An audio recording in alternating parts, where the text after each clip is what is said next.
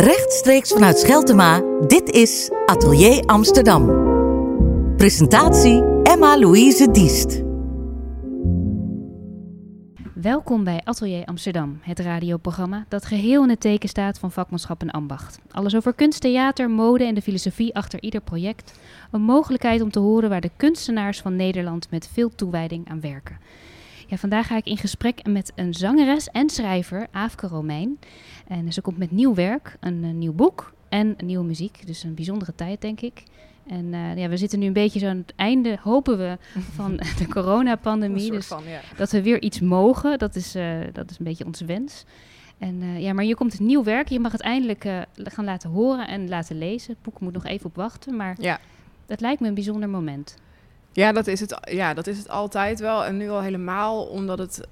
en normaal werk je, zeker als muzikant, altijd toe naar een release... en dan ga je daarna toeren. Um, ja, dat is nu natuurlijk met mijn vorige album is de helft van de tour eigenlijk al in het water gelopen. En uh, nou ja, nu was het ook maar weer afwachten hoe of wat. Dus op een gegeven moment hebben we gewoon gezegd van nou, we gaan het gewoon dan releasen en we zien wel wat er daarna gebeurt. Want je kan niet eeuwig uh, ergens op blijven zitten. Want alles was al klaar? Ja.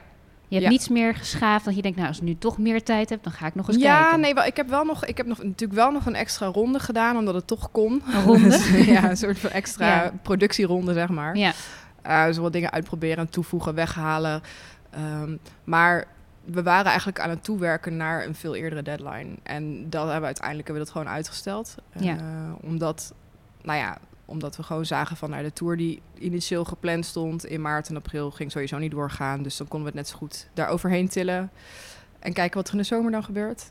Uh, dus normaal gesproken weet je meestal anderhalf jaar van tevoren precies van dat wordt de datum, dat wordt de zaal waar we gaan spelen, daar gaan we heen werken. En nu was het ja, toch iedere week weer kijken van oké, okay, hoe hangt de vlag erbij en uh, waar zitten we en wat gaan we doen. En dat was ja, heel raar, maar ook wel, uh, het, is, ja, het is ergens ook wel weer leuk om een keer heel anders te werk te gaan of zo. Ja, ik vroeg me af, want hoe belangrijk is zo'n deadline voor jou? Want je zegt je werkt daar naartoe, je weet ook heel goed waar je dan gaat spelen. Dat zijn, dat zijn hele duidelijke beelden, denk Ja. ik, in je hoofd. Ja, en ik vind dat ook wel fijn aan, uh, ja, aan, aan de muziekwereld, laat ik het zo zeggen. Dat het eigenlijk altijd kleine, afgebakende projectjes zijn. Dus een show is één klein projectje waar je heen werkt en daarna is het afgelopen. Uh, en een plaats een iets groter project, maar een liedje is dan weer een veel kleiner project, zeg maar. Um, en als schrijver ben je toch heel vaak... Ja, je gaat een boek schrijven...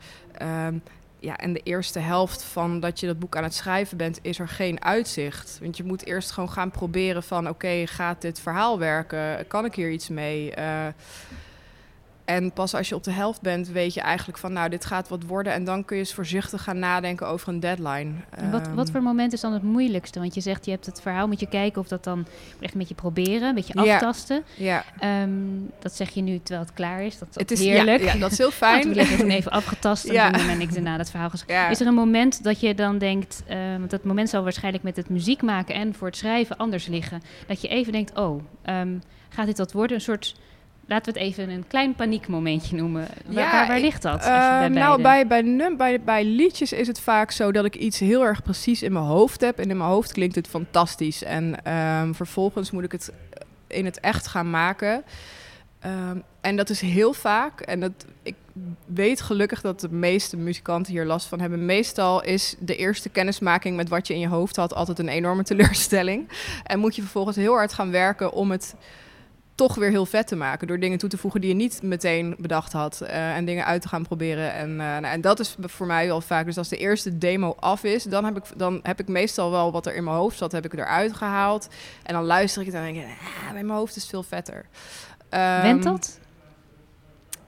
Ja, nee, die teleurstelling blijft wel. Maar wat ik wel, de, zeg maar de paniek is er niet meer. Omdat ik wel na zoveel tijd weet van... ja, maar als ik hier nog een keer doorheen ga... ik laat er nog even een goede producer naar kijken... dan wordt het uiteindelijk gewoon heel vet, weet je wel. Het is nooit het, het Je eindproduct. hebt iets meer geduld. Ja. Of vertrouwen Nou, misschien. vertrouwen denk ik. Ja. Ja. En soms moet je ook wel gewoon erkennen van dat je dan iets in je hoofd had en je gaat het maken en je hebt die idee, maar je denkt ja, ik weet gewoon echt niet waar ik mee heen moet. Weet je, ik heb drie hele, hele goede maten of zo, maar ik hoor gewoon niet wat de rest van het nummer moet zijn of zo. Ehm, en ik gooi niet zo snel dingen weg, maar soms laat ik ze wel heel lang liggen. Dus dan leg ik ze gewoon opzij. Uh, en soms kom ik dan jaren later, denk ik opeens aan terug, denk hé, hey, wacht, nu heb ik wel een idee. En, dan, het, en dan, kan ik het weer opnieuw oppakken, zeg maar. Maar we hebben nu wel over een, uh, iets wat in je hoofd al heel mooi klinkt. Maar het moet wel eerst in je hoofd zitten. Om daar ja. helemaal, hoe dat daar komt, is heel moeilijk natuurlijk altijd. Maar misschien helpen er sommige dingen wel bij. Bijvoorbeeld bepaalde omgevingen die je opzoekt of bepaalde dingen die je leest. Waar omring, met wat voor dingen omring jij je om dat soort ideeën wel te laten ontstaan of te laten groeien? Ja, het grappige is dat het, ik denk uh, dat het, ik, sowieso, ik heb van mezelf altijd muziek in mijn hoofd. Dus ik kan nooit, de muziek is natuurlijk altijd een soort van afspiegeling van alle dingen waar ik veel naar geluisterd heb. Dat, dat merk ik wel, zeg maar. Ik, weet, ik kan me ook nog heel goed herinneren. Um, een van mijn eerste herinneringen als kind is dat ik naar een concert ging waar een, uh, een, een concerto van Mozart werd gespeeld. En dat ik daarna nog een halve dag een soort van Mozart in mijn hoofd had. Maar dat ik er wel mijn eigen versies van aan het maken was. Dus dat ik een soort van het materiaal van Mozart had meegenomen en daarop verder ging. Um, en ik denk dat dat uiteindelijk wel is hoe je muziek maakt. Dus je hebt input nodig. Uh, en die, die input is heel belangrijk. En daarna heb je eigenlijk vooral gewoon stilte en verveling nodig. Ik denk dat voor mij bijvoorbeeld lange autoritten nergens naar luisteren. Dus niet een podcast opzetten of de radio opzetten.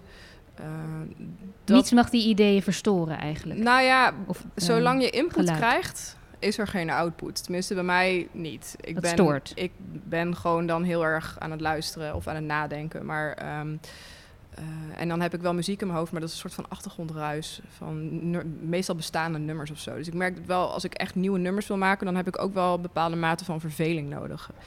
Uh, van gewoon even helemaal niks. Of gewoon wandelen zonder naar iets te luisteren of met iemand te kletsen. Of, uh, en verveling heeft wel een beetje of, een, een, bepaalde um, klank ook, dat het ja. vervelend is.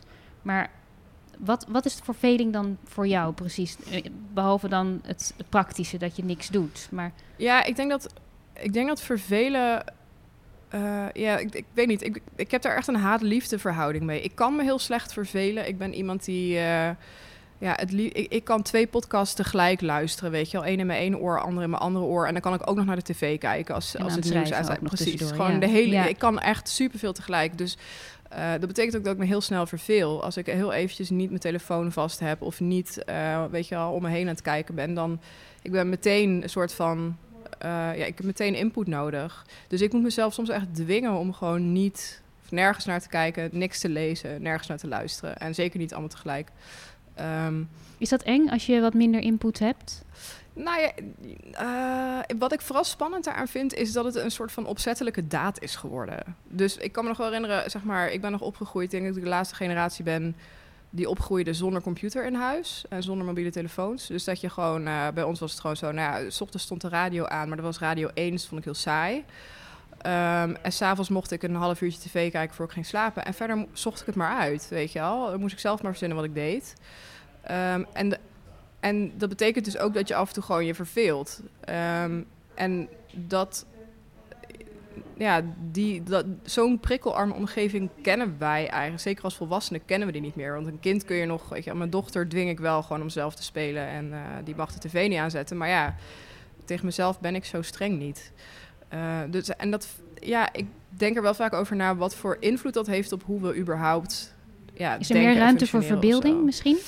Ja, ik denk het wel. Um, Want als het er niet is, ga je het bedenken. Dan ga je het bedenken. En ik weet ook wel dat bijvoorbeeld als ik echt een verhaal moet bedenken, dus als ik echt uh, een, een, een, narratief moet uitdenken of een wereld voor me moet zien die er nog niet is, ja, dan kan ik ook gewoon echt niks anders tegelijk doen.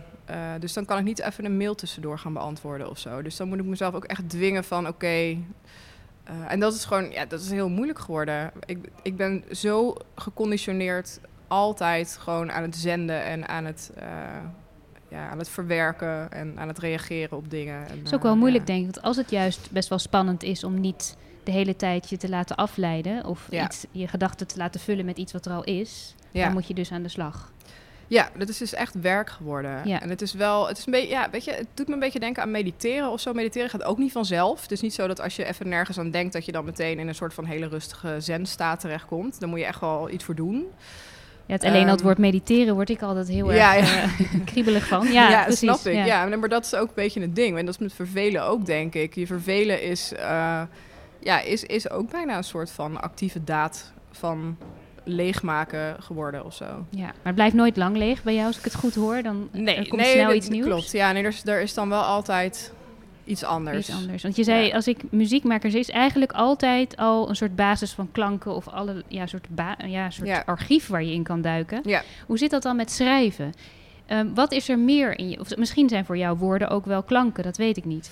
Nee, het, ehm, ehm, ik, wat ik heel leuk vind aan schrijven is dat ik eigenlijk altijd in mijn omgeving stukjes aan het meenemen ben. Ehm, dus als ik bijvoorbeeld naar het journaal kijk, dan kijk ik naar de manier waarop politici hun verhaal doen. En Je bent gewoon flink aan het jatten. ja, tuurlijk. Je jat, de he- je jat de hele realiteit leeg, zeg maar. Want ik wil, als ik een politicus neerzet in mijn boek, ik schrijf science fiction, dus heel veel dingen zijn, zeg maar, een soort van per definitie ongeloofwaardig. Dus de dingen die wel kloppen met de realiteit zoals we die kennen, die moeten ook heel precies kloppen. Het contrast is belangrijk. Precies, ja. Dus je moet, wat je verzint, moet je wel zo natuurgetrouw mogelijk kunnen neerzetten.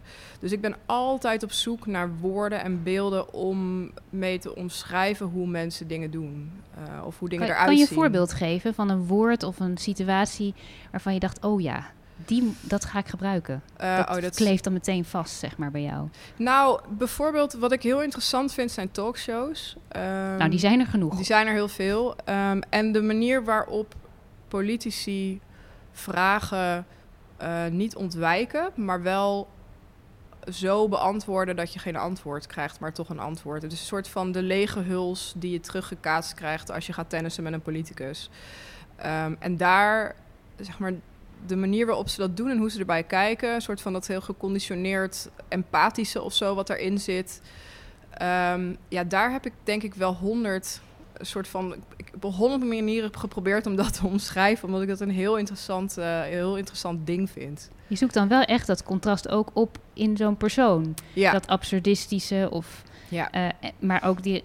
want ja, een politicus is eigenlijk, als je daarna aan denkt... is het vooral heel erg ehm, saai en realistisch. Ja. Maar, maar wat hij dan zegt, is dan dus juist absurdistisch. Dus dat... ja, in wezen wel. Als je er goed naar luistert, eh, het, is, het is ook heel slim, zeg maar. Even Het voor is- alle politici Ja. zijn niet allemaal saaie mensen, Nee, maar het, maar het woord niet. po- Nee. polit- politicus, heeft- daar hangt het, een het, beetje aan. eh, ja, het- ik denk, ik vind politiek is, ik denk het interessantste spel ter wereld, omdat er echt iets op het spel staat. Weet je wel, bij alle andere spelletjes is het soort van, ik kan winnen of verliezen, nou, nobody cares, weet je wel. Het gaat hoogst om geld.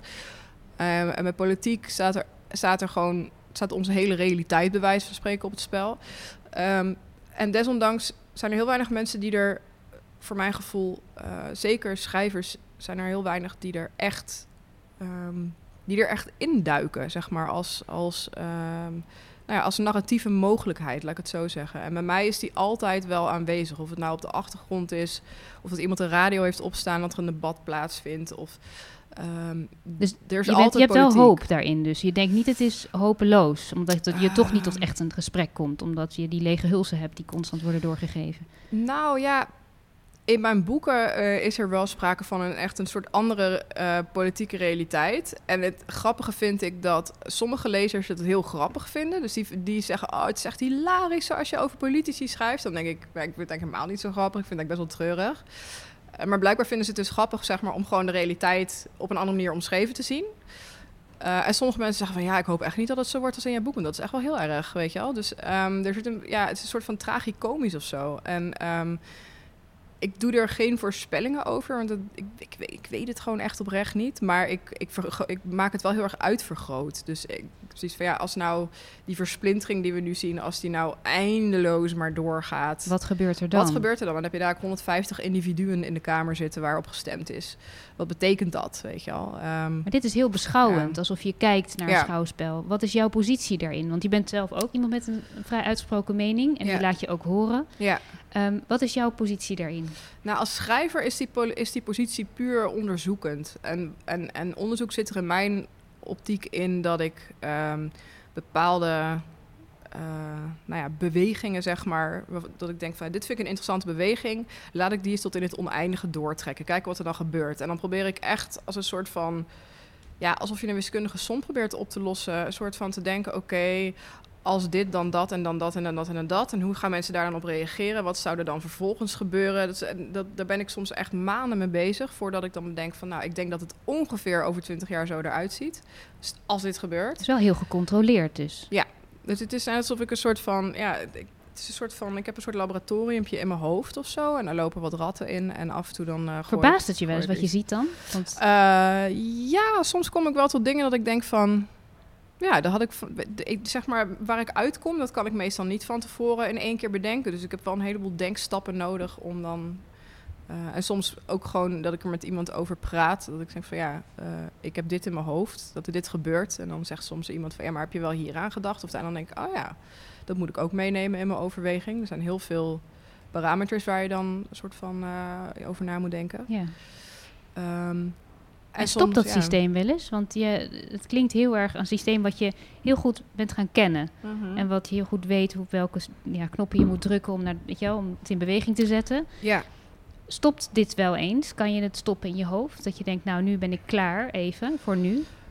Ehm, of gaat het dan weer verder op een ander niveau? Ja, dan gaat het wel weer verder. Ik ben daar toch altijd mee bezig op de een of andere manier. Ehm, ja, weet je, als je nu kijkt naar het geweld in het Midden-Oosten, eh, Israël, Palestina.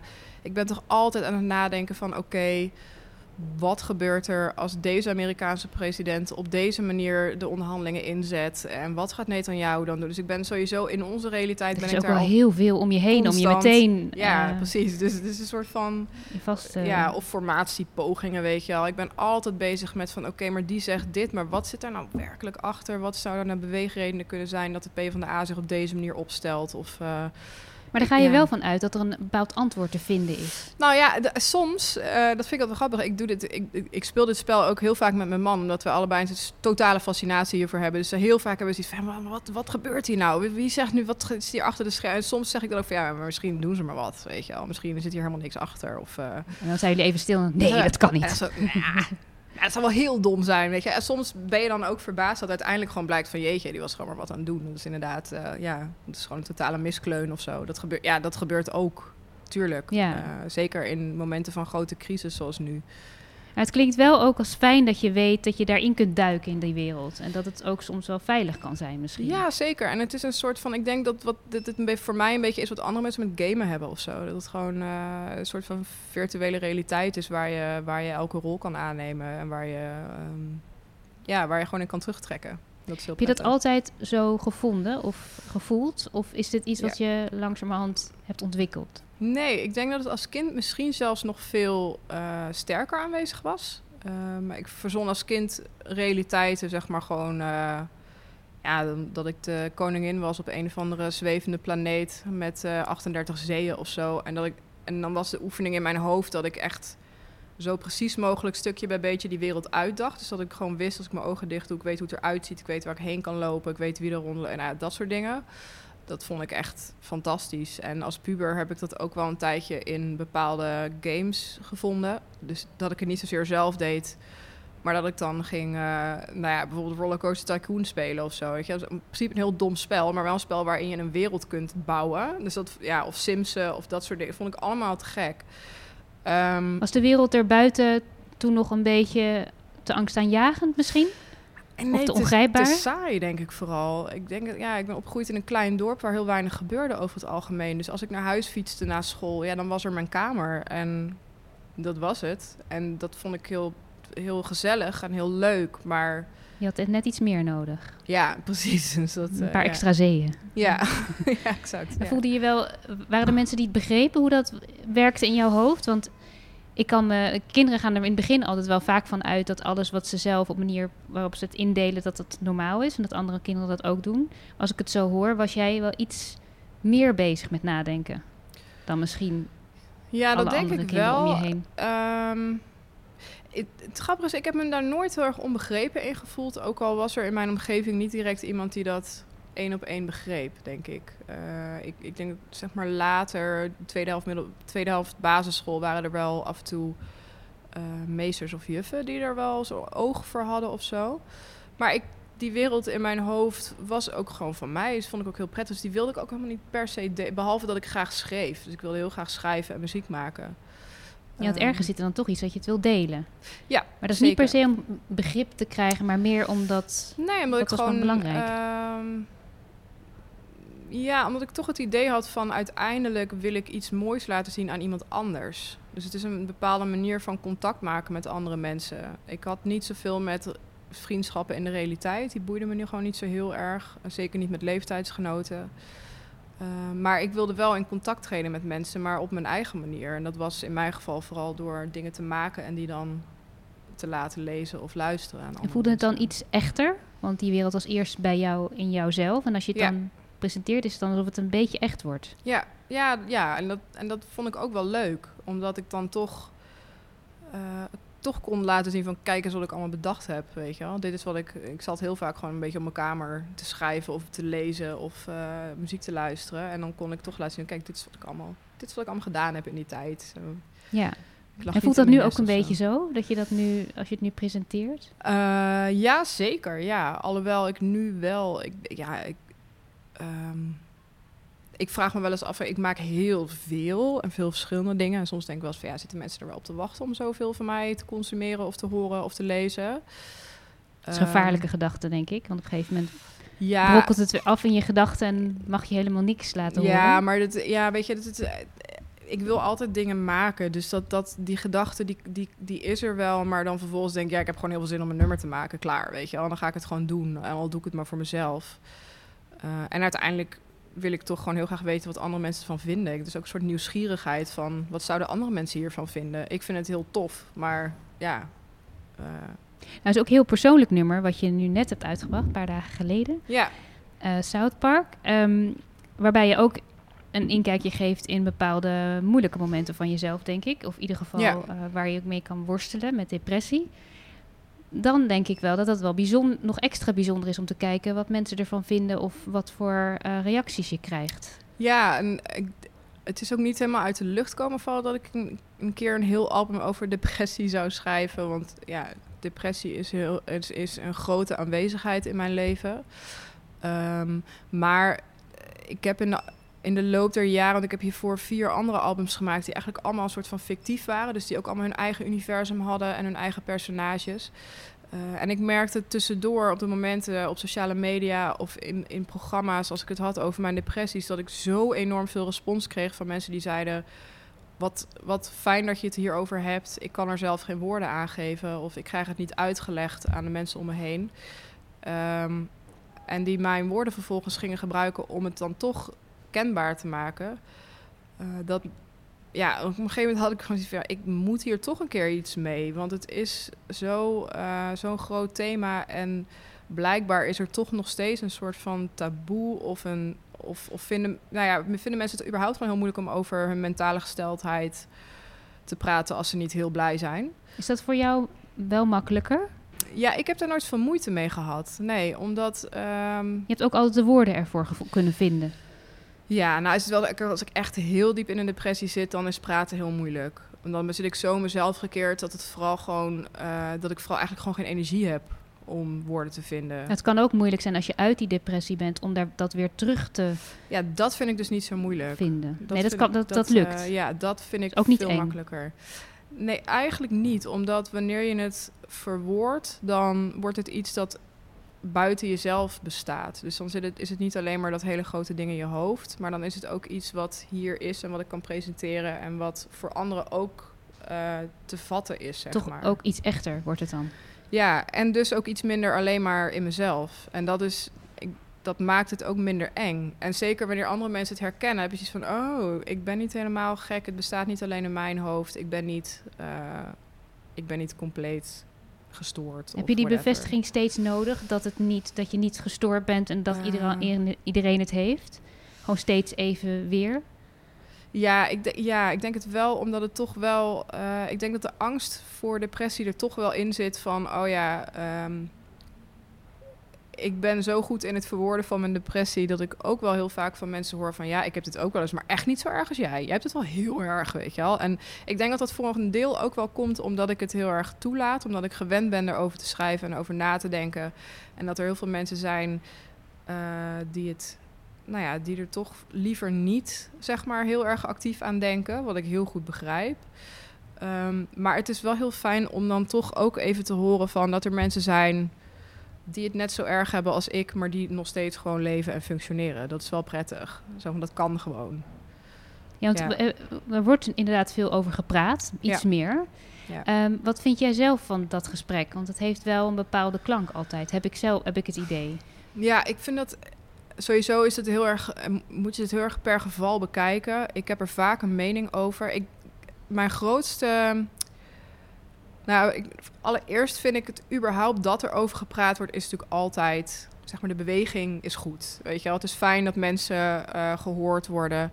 Ehm, maar het dat, depressies zijn zo complex en zo subtiel vaak ook, dat het heel moeilijk is om daar een eenduidig gesprek over te voeren. Eh, als ik kijk naar mezelf, dan denk ik van ja, ehm, wat ik nodig heb tijdens een depressie is vaak heel anders dan wat bijvoorbeeld mijn man nodig heeft als hij zich niet goed voelt. Ehm, en de manier waarop ik de- depressief ben is ook weer anders dan waarop heel veel andere mensen depressief zijn. Ik word heel suicidaal, heel angstig. Maar ik ken ook mensen die gewoon vijf jaar lang depressief zijn. En vooral heel lethargisch worden en heel indifferent en die alles saai vinden. En, eh, Het is ook, ook moeilijk dat we dat Ja. allemaal maar onder die ene noemer ja, dat is ook scharen. zo. En Dat het is, heel, ingewikkeld. dat is heel ingewikkeld. En tegelijkertijd is het ook heel moeilijk, want je kan er ook niet eindeloos veel hokjes voor maken. Dat, maakt dat, dat zie je ook bijvoorbeeld bij, bij, bij autisme. Daar zijn eerst heel veel hokjes voor bedacht. en enorm spectrum waar we allemaal een plekje in kunnen vinden. Ja. En, en nu is het gewoon weer één spectrum. En dat heeft ook weer zijn moeilijkheden. Dus wat dat betreft is mentale gezondheid sowieso gewoon een heel complex ding.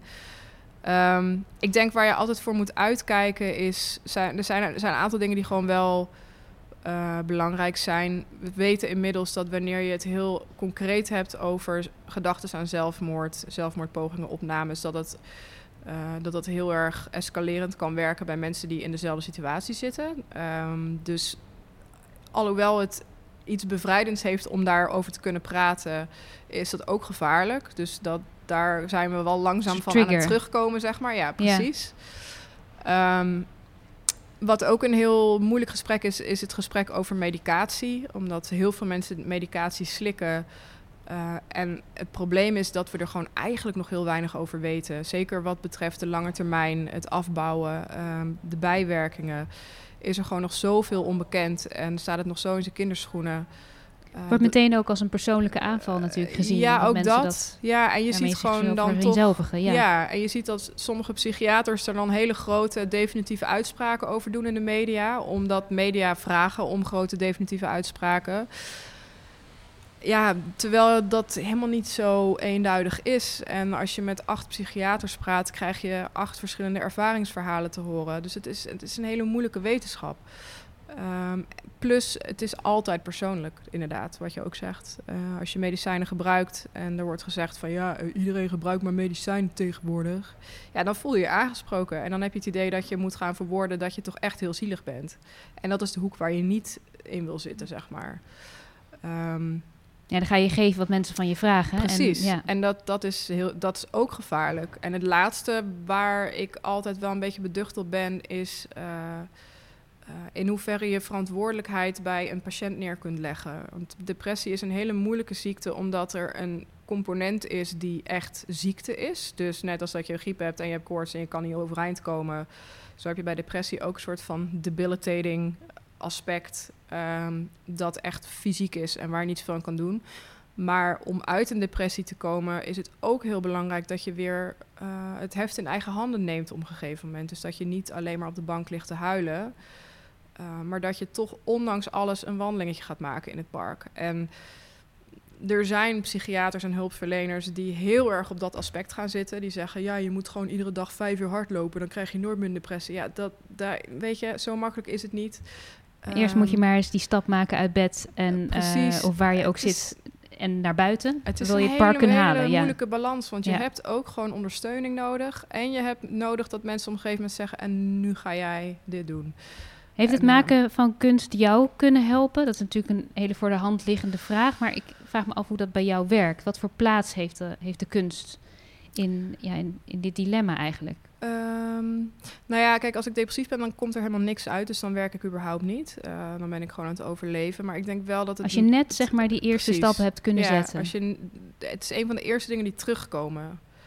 Uh, dus bij mij, weet je, er zijn een aantal dingen die altijd verdwijnen. Uh, ik, ik kan soms maandenlang niet eten. Um, ik slaap alleen maar. Uh, nou, en de eerste dingen die dan terugkomen zijn van... oh, ik, ik kan gewoon een dagdeel wakker blijven. Dat lukt dan, dat is al heel wat. Vervolgens ga ik een paar happen eten en het komt er niet uit. Nou, dat is ook al heel tof. En een van de eerste dingen die... Hele zeg maar, basis... Precies, gewoon echt de, de basisdingen, ja. zeg maar. En een van de eerste stappen die echt na die fysieke basisdingen komen... dat is het maken van dingen. Dus, uh, en dan, oh, best wel snel dus. Dat is heel snel. En het is meestal echt gewoon in de trant van... ik wil hierover praten, ik wil erover schrijven. Ik wil, er, uh, ik wil er iets van maken dat niet alleen bij mij ligt, zeg maar. En, en dat kunnen nummers zijn. Dat, vaak begint het met tekst in eerste instantie. De klanken komen uh, later. En ja, en soms is het ook zo dat er, dat er eerst uh, muziek is en dat ik daarna pas de woorden. Het verschilt een beetje, maar um, ja, er, er, komt altijd wel wat, zeg maar. Ja. En het gaat dan meestal ook wel daarover.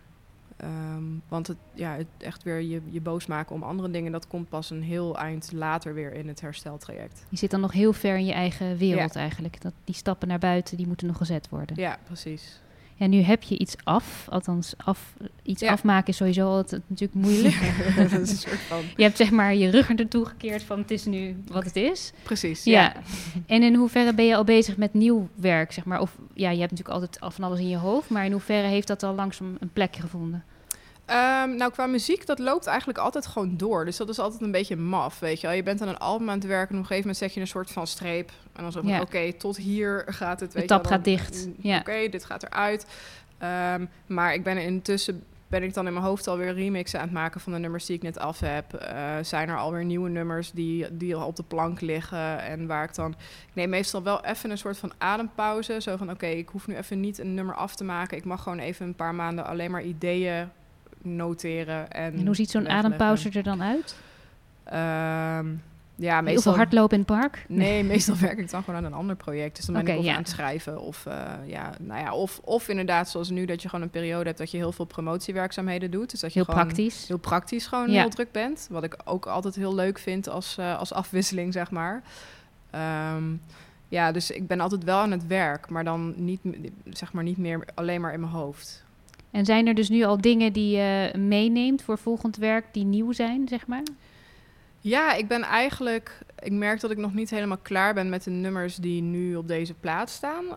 Um, dus er zijn nog een aantal nummers waarvan ik denk: hé, hey, die passen hier eigenlijk wel heel goed bij. Misschien ga ik toch nog een keer een bonus-editie maken of zo. Of, uh... En verheug je je dan ook als je ja, dat dan ziet? Ja, ik vind dat wel leuk. Ja, ik vind dat echt wel leuk. Um, en, en er zijn een aantal nummers waar ik gewoon echt herwerkingen van wil maken. Dus dan ga ik bijvoorbeeld een live versie maken die anders is dan de versie op plaat. Dat vind ik ook altijd heel erg leuk om te doen. Um, en het, ja, überhaupt het bouwen van een live set is ook weer een soort vertaalslag. Dus ja, nu, het ziet er nu naar uit dat we in juni kunnen gaan spelen. Dus dat is te gek. Uh, dus nu kan ik eindelijk weer een keer een paar weken gewoon in de studio uh, een live set gaan bouwen, zeg maar. Kijken hoe ik die nummers allemaal ga uitvoeren. Het hoort er dan wel echt bij. Dat je ja, die ja, ja, zeker. En ja. dan uiteindelijk het podium op. Is dat iets, ja. een soort bekroning op dat werk? Of is het eigenlijk alweer een begin van ander werk? Hoe ja, zie je dat, dat? Is, het is, ja, het is heel raar. Voor mij is de bekroning toch altijd als een nummer af is. Zeg maar het, het ding. Ja. Dat is zeg maar de bekroning. Dat ik het kan beluisteren en dat ik kan denken, ja... Omleiding is dit er. is een soort van ja. af. Uh, op dit moment in mijn carrière heb ik niet nog iets toe te voegen, zeg Ja. maar. Dat kan na vijf jaar compleet anders zijn, maar... Dat en is dat dan eh, hetzelfde wat je dan op het podium gaat brengen? Of is dat dan, heeft het dan een andere vorm? Nou ja, sowieso. Kijk, ik werk heel erg vanuit mijn hoofd. Dus mijn nummers die klinken zoals ik ze in mijn hoofd heb. Heel veel muzikanten werken vanuit een instrument. Of gewoon omdat ze aan het zingen zijn en niet verzinnen. Dat heb ik helemaal niet. Um, dus voor mij is het sowieso altijd alweer een soort van ja, omvorming wanneer ik het live ga brengen. Dus zelfs al wil ik het precies zoals op de plaat gaan brengen, dan moet ik gaan bedenken hoe ik dat ga doen. Uh, er staan soms al honderd instrumenten op één nummer. Die heb ik niet allemaal bijvoorbeeld. Ja, dat soort hele praktische. Ja.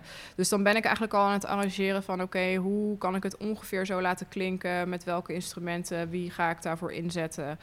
Um, en ja, ik vind dat proces heel leuk, omdat je daarin ook weer veranderingen kunt aanbrengen, waardoor iets live beter werkt of interessanter is. Of dat het gewoon leuker wordt om te spelen, bij wijze van spreken. Dus uh, dat, je het voor je, voor, dat ik het voor mezelf als muzikant ook interessant kan maken.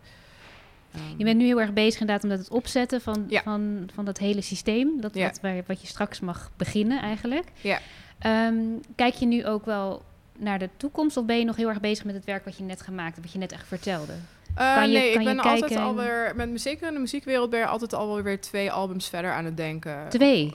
Ja, bewijzen van. Weet je Ja, wel? ja. Weet je, een soort van grofweg heb je zoiets van... mm, dan moet er ongeveer wat komen. Dan moet er ongeveer wat zijn. En ik wil deze richting op. En... eh, eh, dus ja, daar kijk ik wel echt al naar uit, zeg maar. En kan je dan ook denken van, ik weet eigenlijk al wat ik ga doen. Ik vertel het jullie allemaal nog niet, maar ik heb allemaal leuke ideeën. Eh, ja, zeker. Ja, ja, ja, absoluut. Maar ik heb soms wel drie ideeën. Dan moet ik vaak nog één kiezen, weet je wel. Die ik Ja. dan uiteindelijk ga uitvoeren. Ja. Maar eerst dit idee, daar gaan we Ja. van genieten. Er komt nieuwe muziek, Ja. Een tour en een nieuw boek in het Ja. najaar, denk ik. In eh, september, In ja. september. Nou, Ja. allemaal hele mooie dingen om je op te, om je op te verheugen. En eh, ja, wij wachten af wanneer je de tap weer openzet, denk Ja. ik. Dat ga ik weer een keer doen. Dankjewel voor het gesprek. Dank je.